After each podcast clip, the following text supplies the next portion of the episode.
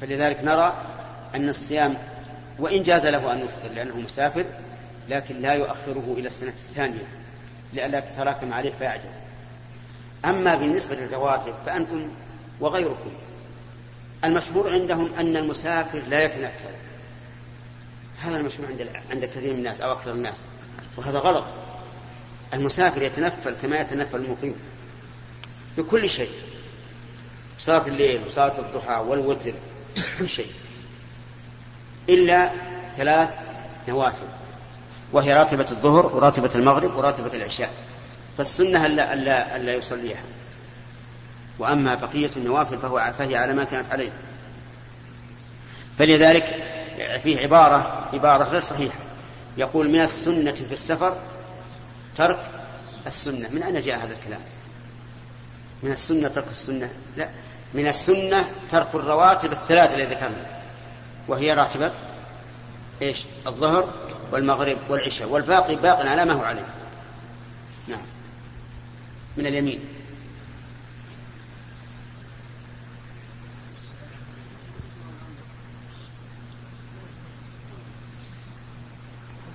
من اليسار. نعم. ما حكم اتخاذ النعل سترة؟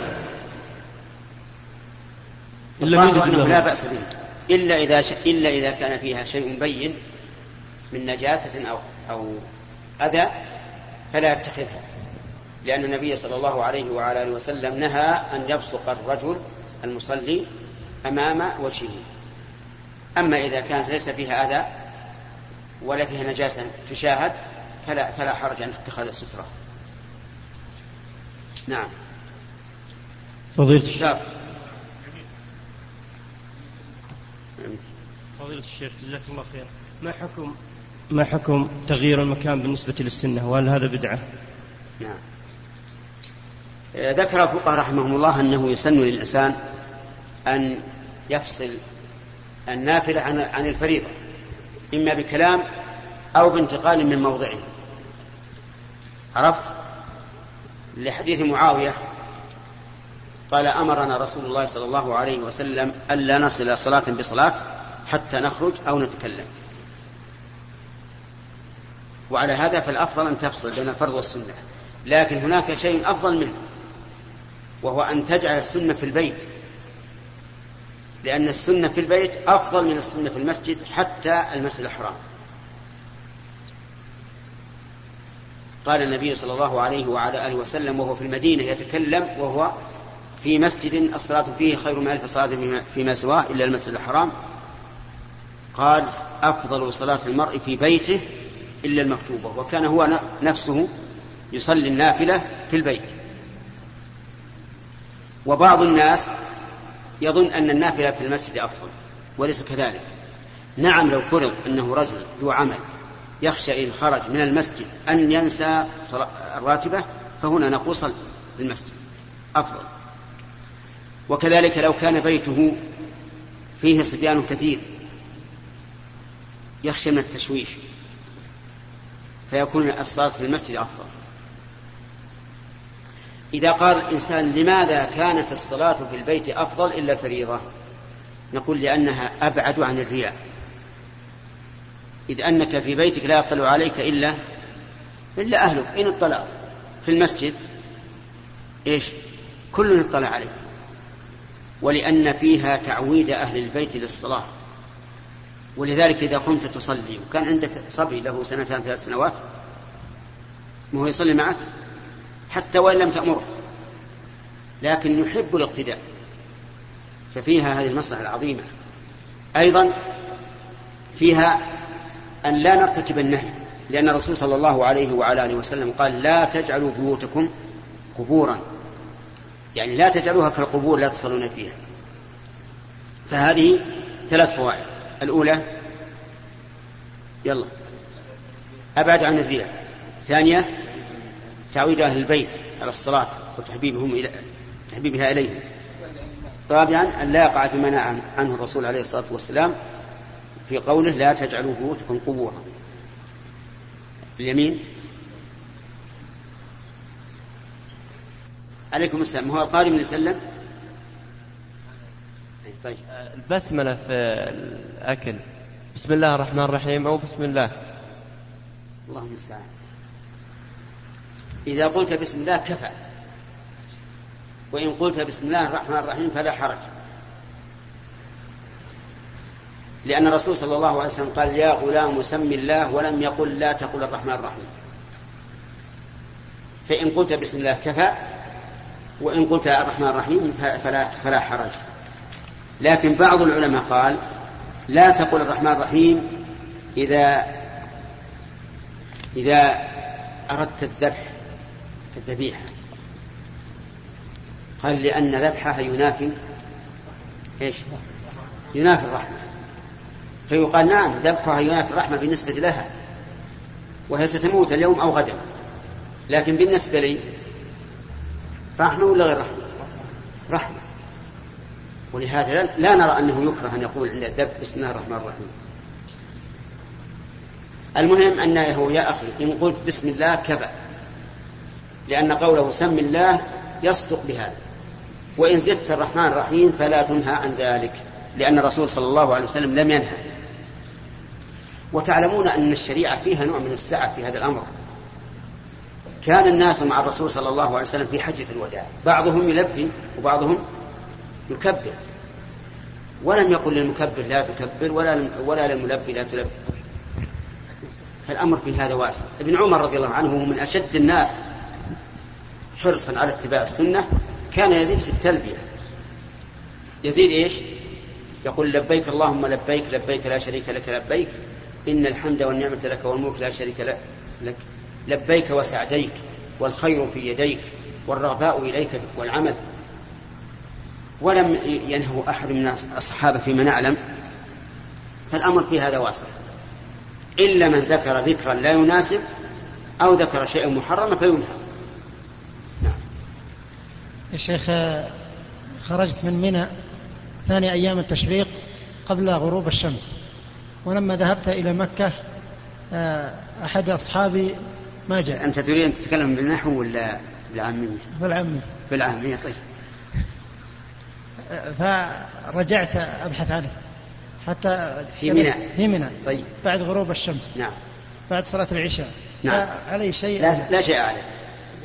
لأن الإنسان إذا خرج من منى قبل غروب الشمس يوم 12 فقد تعجل. فإذا عاد إلى منى لطلب حاجة أو لأنها ممره وطريقه أو لتفقد أحد من إخوانه فلا بأس. نعم. ها؟ إيش؟ لا بأس ما يخرج هذا طويل بارك الله فيك. لو أبقى اقراه راح الوقت وحنا نقرأ السؤال خلي بعدين إن شاء الله بعد صلاه الظهر إحنا راجعين. نعم سم. أه اسأل.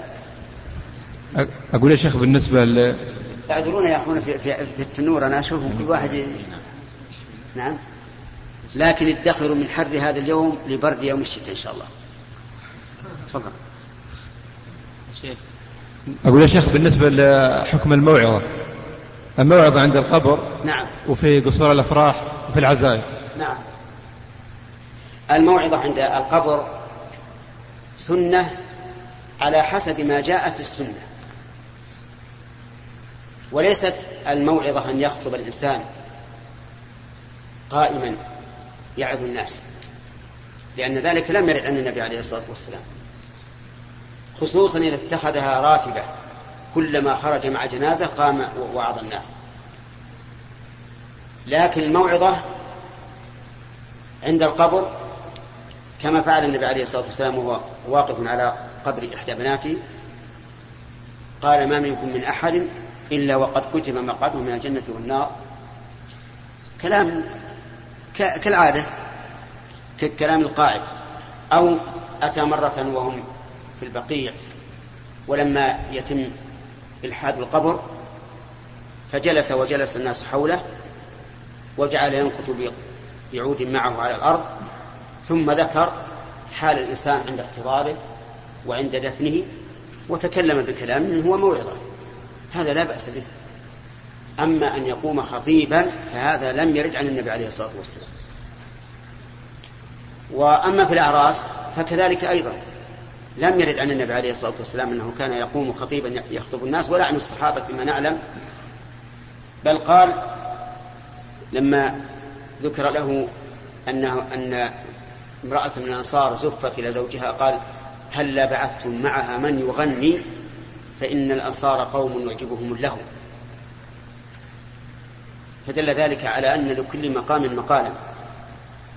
ولأن الإنسان إذا قام خطيبا في الأعراس فإنه قد يثقل على الناس.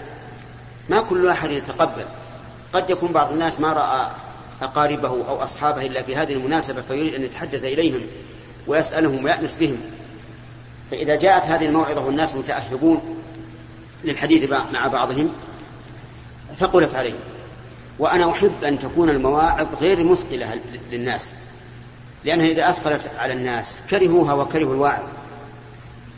ولذلك أقول لو أن أحدا في في محفل العرس طلب من هذا الرجل أن يتكلم فحينئذ له أن يتكلم ولا سيما إذا كان الرجل ممن يتلقى الناس قوله بالقبول. كذلك لو رأى منكرا فله أن يقوم ويتكلم عن هذا المنكر ويحذر منه ويقول إما أن تكبوه أو, أو خرجنا. فلكل مقام مقال وأنا أحب أن يتلقى الناس دينهم بانشراح وقبول. وإذا قدرنا أن عشرة في المئة يريدون الموعظة وأن التسعين في المئة لا يريدونها فمن نرجح؟ نعم التسعين. نرجح التسعين لئلا نثقل على على على الناس. نعم. حتى يأتيك الدور. عندك؟ طيب تفضل. ما حكم الشيخ البيعتين في بيعة وما صفتها آه، نهى النبي صلى الله عليه وسلم عن بيعتين في بيعة. واختلف العلماء رحمهم الله في معنى هذا الحديث. فذكر من معناه أن تقول لهذا الرجل هذا الكتاب بعشرة نقدا أو بعشرين إلى سنة. فهذا بيعتان في بيعة. يعني ثمنان في عقد واحد. وهذا التفسير غير صحيح. لأن البيعة هنا واحدة ولا لا؟ لكن الثمن مخير فيه. أنا أقول خذها بعشرة أو بعشرين. وأنت ستأخذها بإيش؟ ها؟ بأحدهما ما هو باثنين؟ فهذا التفسير غير صحيح. التفسير الثاني أن بيعتين في بيعة هي مسألة العينة. هي مسألة العينة والعينة أن تبيع سلعة بثمن مؤجل وتشتريها نقدا بأقل. مثال ذلك بعت هذه السيارة على إنسان بخمسين ألفا إلى سنة ثم أردت أن تشتريها بأربعين نقدا تسلمها له تسلمها له أي, أي, أي الأربعين. هذه إيش؟ بيعتان في بيعة أي في مبيع واحد. المبيع واحد وهي السيارة. ورد عليها كم كم عقد؟ كم عقدا ورد عليها؟ عقدان العقد الأول والعقد الثاني. فهذه بيعتان في بيعة ولهذا قال له أوكسهما أو الربا. ما الأوكس في مثالنا؟ ما هو الأوكس؟ الأقل. أيه؟ الأربعون.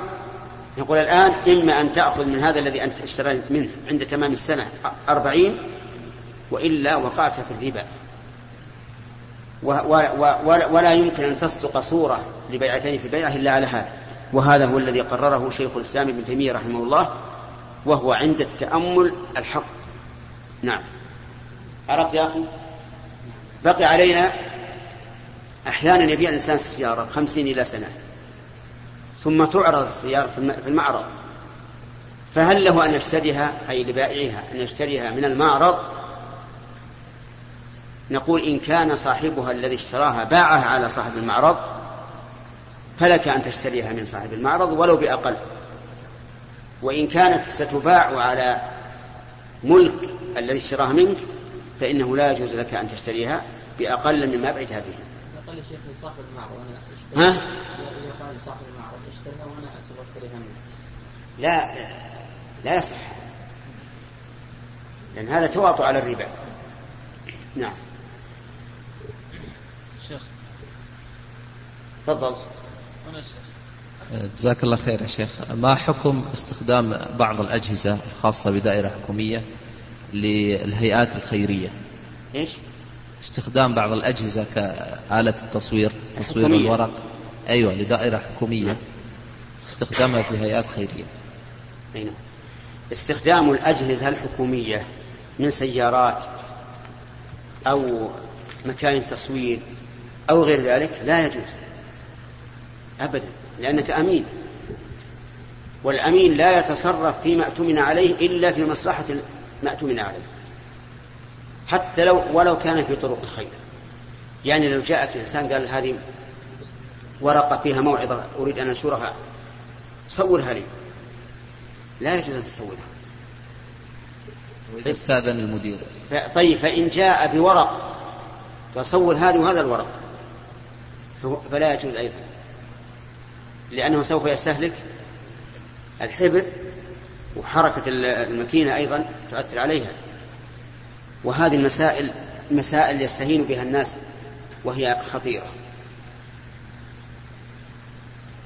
سألنا الآن الأخ يقول إذا كان بإذن المدير هل يملك المدير أن يأذن في هذا؟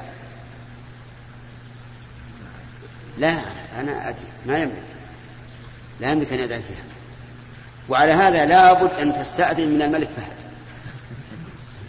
نعم وإلا ترك. وإذا عوض. حتى لو عوض. حتى لو عوض.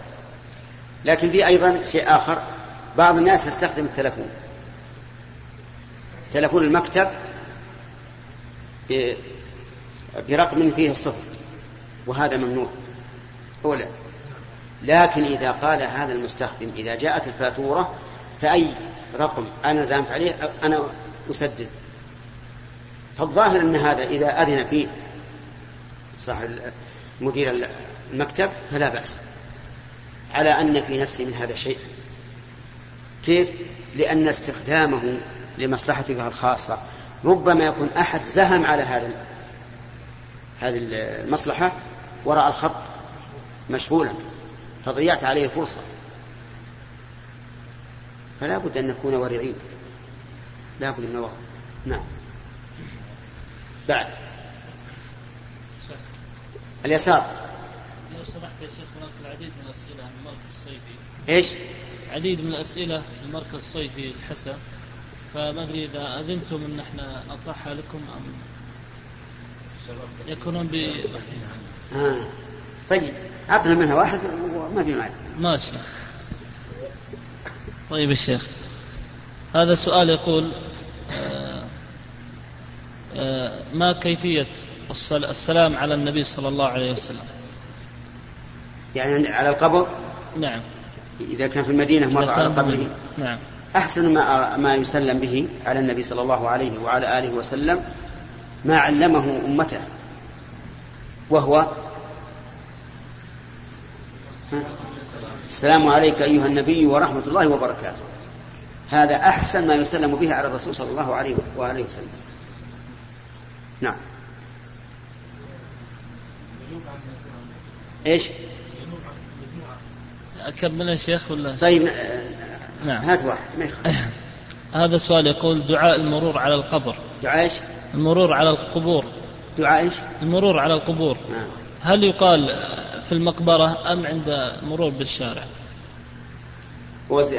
دعاء زيارة القبور يكون عندما يخرج الإنسان إلى المقبرة ليزور أصحاب القبور زيارة يتعظ بها ولهذا قال الرسول عليه الصلاة والسلام كنت نهيتكم عن زيارة القبور فزوروها فإنها تذكركم الموت. نعم. وهذا لا يحصل بالمرور. لكن بعض العلماء يقول إذا مر بها فليسلم. يحصل على أجر لأنه سيدعو لإخوانه فيحسن إليهم في في- فيحسن إليهم وهذا خير. نعم. طيب الشيخ. تفضل. تقضى الرواتب إذا فات وقتها أو إذا- ذهب وقتها؟ إذا ذهب وقتها. إي نعم. الرواتب إذا ذهب وقتها نسيانا أو لنوم فإنها تقضى. لدخولها في عموم قول النبي صلى الله عليه وعلى آله وسلم من نام عن صلاة أو نسيها فليصلها إذا ذكرها ولأن النبي صلى الله عليه وعلى آله وسلم حين حين نام عن صلاة الصبح حتى طلعت الشمس وقام وقام الصحابة معه صلوا الراتبة قبل الفريضة. نعم. بعده عفى الله عنك يا شيخ. كمل يا شيخ. شيخ. نعم. الله عنك يا شيخ. تفضل. متى يجوز إنكار المنكرات علنيا؟ إيش؟ متى يجوز إنكار المنكر علنيا؟ علانية متى يجوز؟ إنكار المنكر واجب. وما والمنكر إذا فعل ظاهرا فإنه ينكر عليه ظاهرا. يعني لو رأينا إنسانا يفعل معصية أمامنا فإننا ننكر عليه. لكن يجب استعمال الحكمة. قد لا يكون من المصلحة أن أنكر عليه ظاهرا. وأن ذلك يسبب نفور هذا الرجل وعدم قبوله. أو قد يكون هذا الرجل من المسؤولين. فإذا أنكرت عليه ظاهرا لم يقبل. أو ربما يكون الأمور أخرى. المهم على كل حال ما فعل من المنكر ظاهرا فالواجب الإنكار عليه ظاهرا. لكن قد يعرض مصلحة أكبر من الإنكار ظاهرا والواجب اتباع المصلحة. وأما الإنكار على فاعل المنكر غائبا فهذا لا يجوز لأن ذلك غيبة له في الواقع. مثل رجل عرفت أنه زنى والعياذ بالله وهو ليس بحاضر حتى تنكر عليه غائب. إنكارك عليه معناه غيبتك إياه. والغيبة من كبائر الذنوب.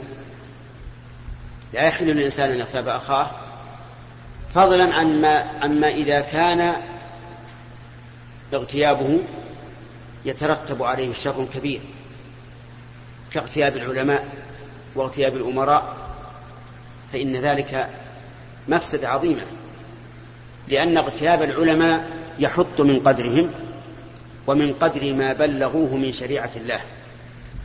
واغتياب الأمراء يحط من قدرهم ومن هيبتهم بين الناس فتضيع يضيع الأمن وتختل الجماعة. ولهذا من الخطأ ما يتناقله الناس من هذه الأوراق التي تأتي من الخارج في في القدح بولاة الأمور وربما يكون كذبا أيضا. فإن هذا من الغيبة ومن التعاون على الإثم والعدوان. والموزع لها آثم فاعل كبيرة. مع أن هذا ليس كما لو اغتاب واحد من من الشارع. هذا يؤدي إلى أن تتحمل القلوب من بغضاء ولاة الأمور والحقد عليهم ما يوجب تفرق الأمة في المستقبل ويوجب شرورا كثيرة. لهذا ننهى إخواننا لله نصيحة لله ورسوله وأئمة المسلمين وعامتهم أن يتناقلوا مثل هذه الأوراق بل يحرقوها. ولا, ولا ينشرها بين الناس. ومن أراد النصيحة فالواجب أن يصل إلى المنصوح عن طريق محدد معين تحصل به الكفاية. نعم. في إيش؟ نعم.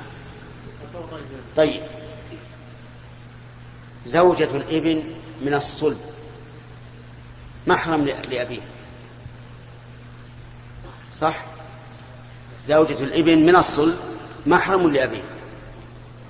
لقول الله تعالى وحلائل أبنائكم في جملة المحرمات وحلائل أبنائكم الذين من أصلابكم. فإذا كان الإنسان له ابن متزوج من امرأة فهذه المرأة لها أن تكشف الحجاب لأبيه. أما ابنه من الرضاء فأكثر العلماء على أنه كابنه من من الصلب. ولكن شيخ الإسلام أبى ذلك رحمه الله ابن تيمية. وقال إن الرضاع لا يؤثر في المصاهرة وأن زوجة ابنه من الرضاع أجنبية منه. لا تكشف له ولا يخلو بها ولا يسافر بها لأنها أجنبية منه. والله عز وجل يقول حلائل أبنائكم الذين من أصلابكم والنبي صلى الله عليه وعلى آله وسلم يقول يحرم من الرضاع ما يحرم من النسب وزوجة الابن حرام على أبيه من النسب ولا من المصاهرة؟ من المصاهرة لأنه ليس بينها وبين أبيه نسب. زوجة ابنك ليس بينك وبينها نسب بل هي حرام عليك بالمصاهرة. والحديث يحرم من الرضاع ما يحرم من النسب. وهذا الذي اختاره شيخ الإسلام هو الذي أراه صحيحا. نعم. بعده. تفضل. علمكم الجميع وسدد خطاكم وصوب قول كلامكم. ما نصيحتكم للشاب في بداية الطريق أو في بداية طريقه في الاستقامة؟ ما نصيحتكم؟ نعم. نصيحتنا لهذا الشاب الذي هو في اتجاه سليم إن شاء الله نصيحتنا له أن يسأل الله الثبات دائما أن يسأل الله الثبات والصواب. هذه واحد ثانيا أن يكثر من قراءة القرآن بتدبر. لأن هذا القرآن له أثر كبير على القلب إذا قرأ الإنسان بالتدبر. ثالثا أن يحرص على ملازمة الطاعات وأن لا يمل أو يكسل. فإن النبي صلى الله عليه وعلى آله وسلم استعاذ من العجز والكسل. رابعا أن يحرص على مصاحبة الأخيار ويبتعد عن مصاحبة الأشرار. خامسا أن ينصح نفسه حينما تؤثر عليه وتقول المدى بعيد والطريق طويل. فلينصح نفسه وليثبت لأن الجنة حفت بالمكاره والنار حفت بالشهوات. سادسا أو سابعا أن يبتعد عن قرناء السوء. حتى ولو كانوا أصحابا له من قبل ليبتعد عنهم. لأن قرناء السوء يؤثرون عليه. ولهذا قال النبي عليه الصلاة والسلام مثل الجليس السوء كنافخ الكير إما أن يحرق ثيابك وإما أن تجد منه رائحة خبيثة. نعم. أذن؟ وإلى هنا انتهى الوقت لأن الأخ موسى كأنه يشير بيديه ويقول انتهى الوقت فنقول الحمد لله على التوفيق ونسأل الله تعالى أن يوفقنا وإياكم للعلم النافع والعمل الصالح وإلى اللقاء القادم إن شاء الله في الأسبوع القادم. ونبشركم بالخير والأجر فإن من سلك طريقا يلتمس فيه علما سهل الله له به طريقا إلى الجنة.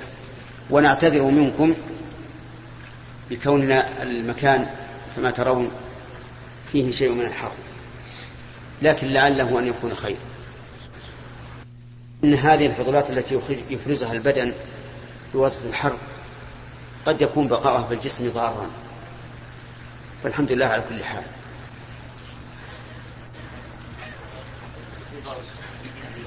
وإذا انتهى الوقت انتهى السؤال. لأني أنا إمام أيها الإخوة في ختام هذه المادة. نسأل الله أن نلقاكم.